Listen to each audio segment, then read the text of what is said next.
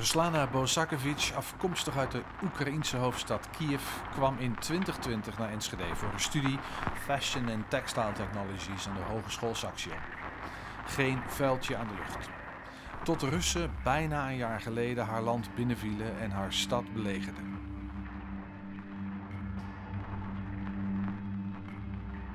In deze podcast vertellen Oekraïense studenten wat hen overkwam nadat er oorlog uitbrak in hun land. Zij zaten al in Enschede. Hoe hebben zij het afgelopen jaar beleefd? Wat hebben ze gedaan? Hoe ga je verder met je leven, met je studie? Ruslana is volwassener geworden. Ze vertelt haar verhaal in het Engels.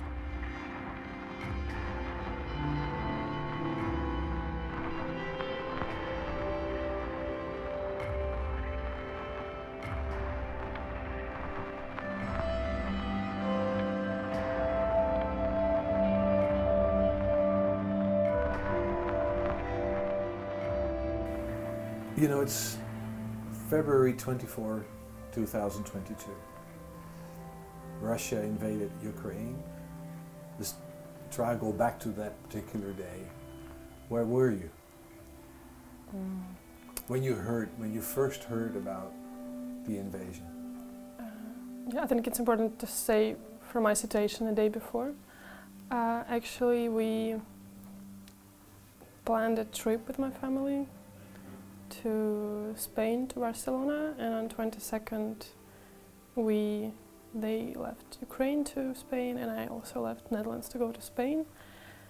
And uh, we were like we were feeling that something is going wrong, but we haven't like ex- expected the real war with or maybe like something like in the Donbass area, but like not really a war. And uh, in the end of 23rd, uh, I remember I think American news said like yeah like 10 hours like maximum, and we just like fall asleep. And I woke up at five, and I just like I woke up and I took my phone and I saw like yeah, like one hour ago uh, Russia invaded Ukraine. Yeah, and I I had like a like a like panic attack or something. Like I just couldn't talk.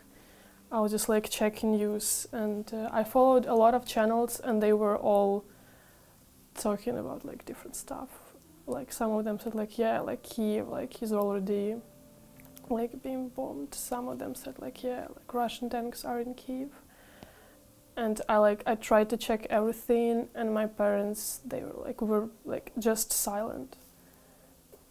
It's it's like it's impossible to explain the feeling because, like you can't believe in it. You just think like yeah I would like I would woke up like just a bad dream. I would woke up, but but no. So that day, you mainly followed news channels and Yeah, we tried to understand what was happening. Yeah, I was just my mom's brother. He was like he's in police and he's in south of Ukraine, and he just like at six, like at five. I don't remember. It was five or four. I think it was five. He texted like, "Yeah, it like it started," and he said to all of our family just like to leave Kiev. And uh, we were just like sitting in the hotel room. We like we like I don't know, we just followed, we tried to follow the official sources. And then we went to a protest in the center of Barcelona, and everyone was just like, yeah, like that, like the life changed in just like in one day. Like you used to live like in a prosperous European country, from my perspective, and now you live like in a like in a country in a war. And yeah, that was my first day. I don't really remember it. I think I was like in a, like not in a trance, but uh, you're just like deeply under the emotion and you can't function. You're just like checking the news and watching the videos and like, and you can't believe that like, it's like it's your home. Uh, Yeah. you said you were at a protest in Barcelona. Yeah, because we we planned a trip with my family. We thought like yeah, like it's not gonna be like a full invasion. It's not gonna be a war. Like it's 21st century. Come on, like Europe will not allow it. Like we we thought so at least. I don't know. like now it seems like kind of stupid. Something happened that you just can't believe that will ever happen. No, no, like you, of course, like we read uh, like all of the news from Europe that they said like yeah the war can begin. But I think like no one would ever believe in the fact that the like your country can be just invaded in one day and from modern like a nice country just be like devastated and like partly destroyed region. So yeah, like I think like deeply, deeply in my heart, like I understood that the war can begin, but I just didn't want like to believe in it. The difference between what you rationally know and Yeah. what your heart can or cannot believe.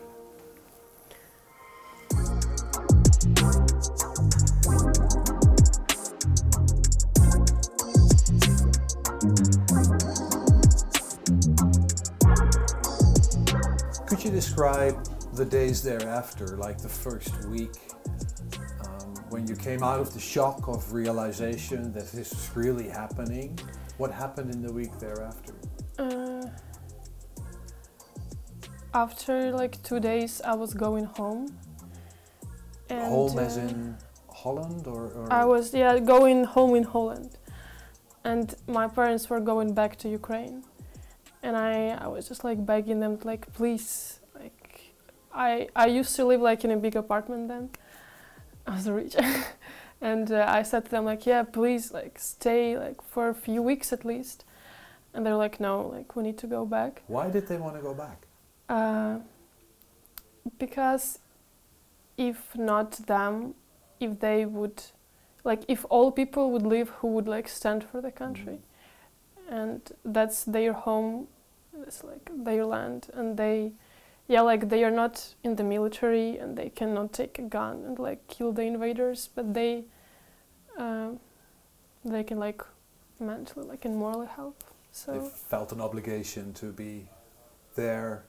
Yeah, they like they don't like I said to them like please maybe stay in Poland, but they were just rejecting like everything like no we're going back to Ukraine and you're going back to Netherlands. Have you been tempted to go with them to Ukraine to go? Uh, Have you considered that?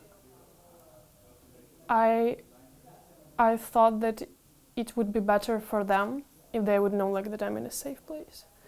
They give me like uh, cash they had at the time, and I just gone to Holland. I nearly lost my passport in the airport because I was like just like you like you can't function in that kind of situations.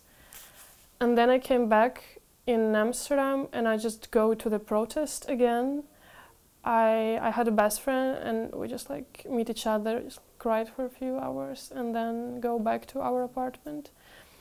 I think I was I was just like in shock and I I was like trying to convince myself that it will like end up in a month. I thought like I would not be able to live with this feeling more like than a month. I thought like no, if it's going to be like to March, I would like I would just go crazy. But it's a it's a year and it's it's so strange like how like a human being can get like used to everything.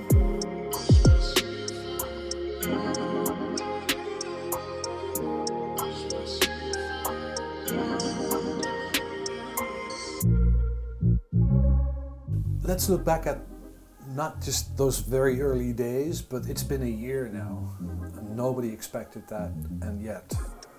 Um, how, could, how would you describe this past year? Because you've been in Holland, tried to pick up study again or doing something else, but how, how was this last year for you?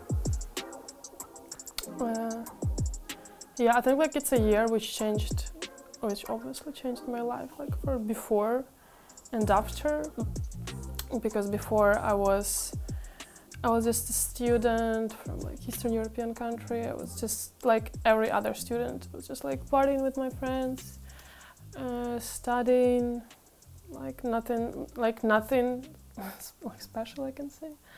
and after I understood that I have like certain money, and my parents like are not able to send me more in this moment, and I do not like I need to pay eight thousand nearly for my study, and I need to live somehow. And uh, yeah, I found I was working this from the time I had two jobs. I was just like trying to to be like more independent. I think I just like I get much much older with it, Hmm. and uh, How did you How did you get by? Because you say your parents weren't able to send money anymore. uh, So the how, first how did you How did you cope with that? actually my university I'm studying in Saxion it it really helped us.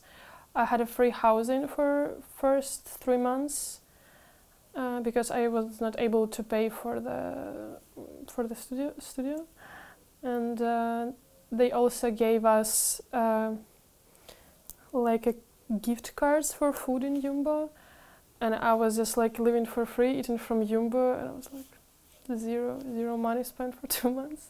No, like I spent some money, of course, but like like I was like not going to cafes or something, or like not buying like clothing or something like more than twenty five euros a week, and um, yeah, I, I received a lot of support, of course, from my international friends, not from Russian. They've said like nothing to me, uh, from Ukrainian friends, and also from from my teachers. I haven't expected that. I think it was like the hardest three months. Like first three months were the hardest, and then I was like the more war was going, the more I would like I was understand that like, yeah, like it's it's for years. I hope not for decades. Yeah. Uh, like Hey, and, um, so you did try and focus on your study again. Uh, the first week, I was I said to my group that like, sorry, I cannot study. and uh, yeah, they totally understand it. But then my parents said to me like, like if you would drop out from university, like it would be much worse. So I tried to distract myself by studying. Like I was checking the news, and then like to have a bit of rest and to relax a bit, I was studying. And that how the first months were. I also took part in the volunteering, and it also it helped a bit with the with the fact that I understood that I'm here in the Netherlands. I have like everything. I'm in the lucky situation, and there are people who who are just like running in like in like pajamas, like cars to the border with Poland because yeah they wanted to be alive. I don't know. So I was trying to volunteer and to like feel that guilt with the fact that I'm like buying humanitarian aid and packing it and just taking taking part in it.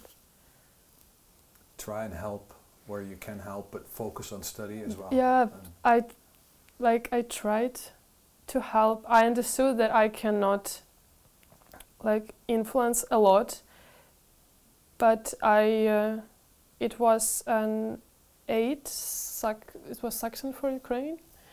I was like like I was not a face, but I like they contacted me, and then like we decided to make like a group of people who helped, and when like why I was helping it, I was feeling that yeah maybe I can make a change, and I was trying to to make my best.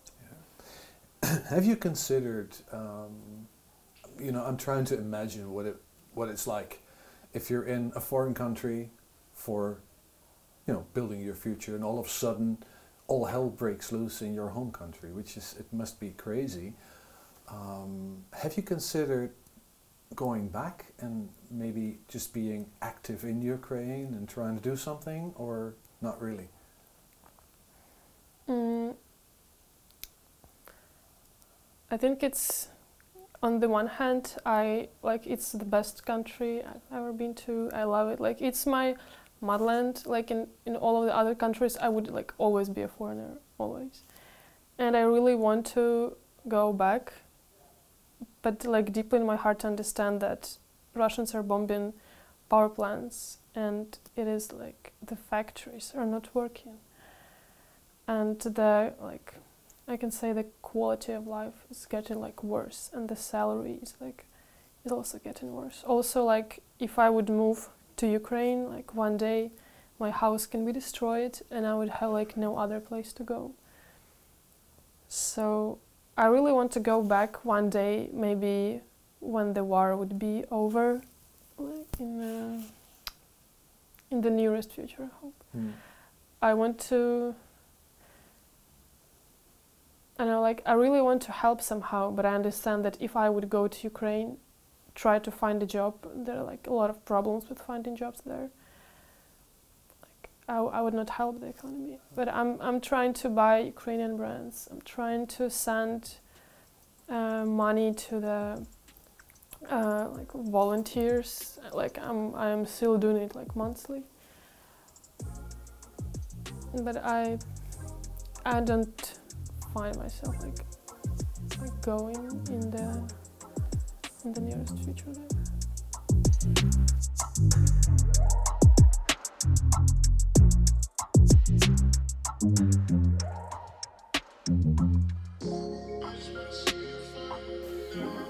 Talking about Ukraine, um, you know, go to that subject. Um, how did you maintain in contact with family, friends, with people in Ukraine that are in the midst of this horrible situation? Mm. Yeah, I I don't have a lot of friends in Ukraine, but uh, like I still like texting them somehow. But I don't really feel that like my friends they want to talk about war with me like and i didn't really want to ask them because i have like i have not lived there and now our worlds like are different. I like i'm just asking them sometimes how are they doing? And of course i'm in contact with my family but due to the fact that russians are bombing the power plants sometimes like i cannot contact them like for six hours because there is no electricity. Since no internet connection but i i just like know that they have no internet connection, so they would text me as, as soon as possible. But yeah, like sometimes I see that like they are bombing the region my parents are like are living, and uh, that they're not answering me, and I'm just like. So sometimes there's a period that you can't reach them. Yeah, yeah, for sure. like. How does uh, that? How does that? Is, is, does it worry you, or, or are you? Uh, yeah. It like it gets. I think like that meant like the nerves of all the Ukrainians are just like, like from stainless steel now because I cannot contact them and I'm like everything's okay. They are alive and they would call me as soon as they can and I'm just like trying to study and they see they calling me and like yes, everything is good. So it's like it's a routine for me. It's not something special. Like like now I cannot imagine how you can just go to your country by plane. Just call your parents like whenever you want. Then like now now it's now it seems like like impossibly good for me. What's been the worst moment in contact taking, to trying to find, you know, having contact with your family or friends? What's been the worst moment? Mm. I think during the first months, because my parents are living in Kiev region, and it was a certain point when Russians were like occupying the Kiev region, and uh, I saw that my parents are like this it, it, it like certain village was occupied by Russians. And I think it's like as far as people know from news if Russians are occupying the region they're just like murdering killing like raping people there all that stuff. And I saw that my parents were like 20 minutes drive but that by from that village. And I just like it was first two like somewhere in first two months I texted them like like hi like where are you? Please answer me. And they they were not answering me and no one from my family was answering me like for like for 4 hours and I was uh, like I was just sitting at home, like like stop, what's happening? And then they texted me that they they just like ran to my grandmother's house, which is like in the western part of Ukraine. And I was so angry. I was like, why haven't you said to me? And they were just like, we were like running. And I was, yeah, but like in these moments, it may seem that like, yeah, they would contact you after, but like in this moments of life, you feel like, like, yeah, like they already, like that, that's, that's like, that's the end. But um, yeah, it was really stressful moment. But uh, from that time, I'm so I'm so glad that Kiev was never like occupied. Like even the regions next to Kiev were never occupied again. How did you maintain hope In what? Hope in what? for the? I, I, I, I- probably, I mean the question. You know, for the well-being of your family and friends, because sometimes I, I can imagine that you feel hopeless or helpless. So how did you maintain confidence and hope that things will turn out well in the end? I have actually I like I have never thought of maintaining hope or something like that. I think like the first two months I thought that yeah maybe like Ukraine will not exist anymore. But after that I never thought about it again because I understood that it is just not possible. Like with the help from Europe, like like it's like like impossible volumes of help uh, with the like willingness of Ukrainian people. I just yeah, I just hoped that it would like finish as soon as possible, like like in a few years. so I I can't say that I yeah like it i can say like i hoped for something i just knew that yeah we would win just the question when and uh, with the like what the amount of dead people would be there and destroyed cities.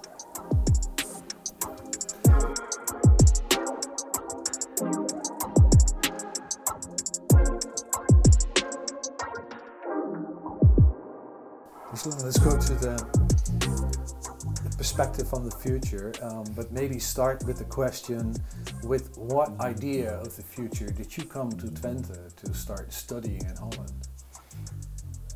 Mm, I I wanted to to go to Europe to study, and I found uh, I wanted to do something with clothing, but not uh, design thing, but something else. And I found a program, fashion and textiles, in uh, Saxion, and I liked it. So that was the reason why I came here, and I thought that as soon as I would finish my studies, I would have like one year or two year experience in uh, like in a European country, and then I would go back to Ukraine and or start a brand there, or like just apply that European knowledge and European experience I have in my home country. But now my plans, unfortunately, are changed. Right. Has that perspective on your future changed uh, because of the war, or is it still the same? Yeah, I think the way I saw the world, it like it changed so much because now like when I was applying for this, I thought like, yeah, I like clothing, I like like seam stitches like and all that stuff and that's what I want to do in my life, but now I think what if World War Three begins? What can I do then? I need to have like a backup plan. How can I apply my knowledge in this field? Could I be helpful in making like vests or helmets? If I would do this, which knowledge do I have? What kind of experience do I need? Can I go more into textiles? Like I'm just thinking like I think more in military perspective now. Because I'm watching a lot of like politi- like political analytics and uh, I don't really like the fact that a lot of them are talking about World War Three, and it's not seem like impossible for me anymore. it seems like it can really like it can it can happen. So yeah, my perspective changed. Let's take a, a leap forward and look at the coming year, the year ahead of us. What's your biggest concern, or maybe even fear? Mm.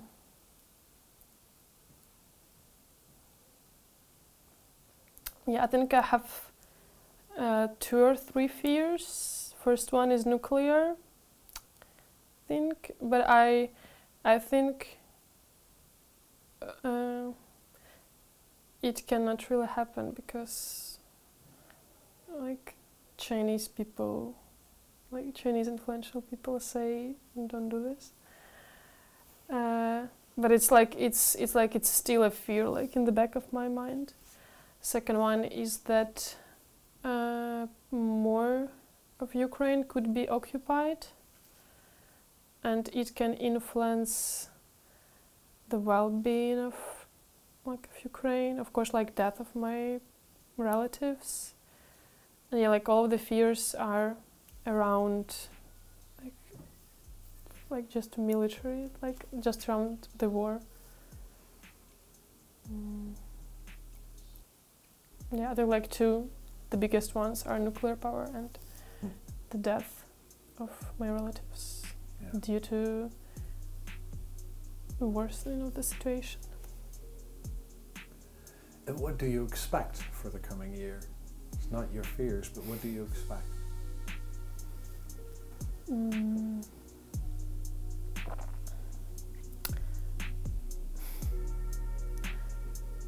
It's it's hard to expect something. I I do not really expect the war to end up in this year. I but I hope more regions would be liberated. And I hope that I would see like a like an ending of this war. Like I would see like yeah, it can end up in two years or like in one year. I just hope that yeah that everything in my country would go like a bit a bit better and the people who are in occupied regions would not suffer anymore but be liberated. That are my biggest hopes.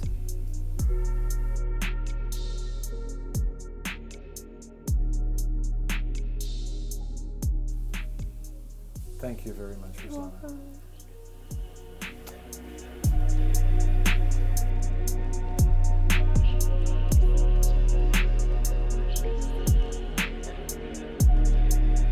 Student in oorlogstijd is een productie van 120.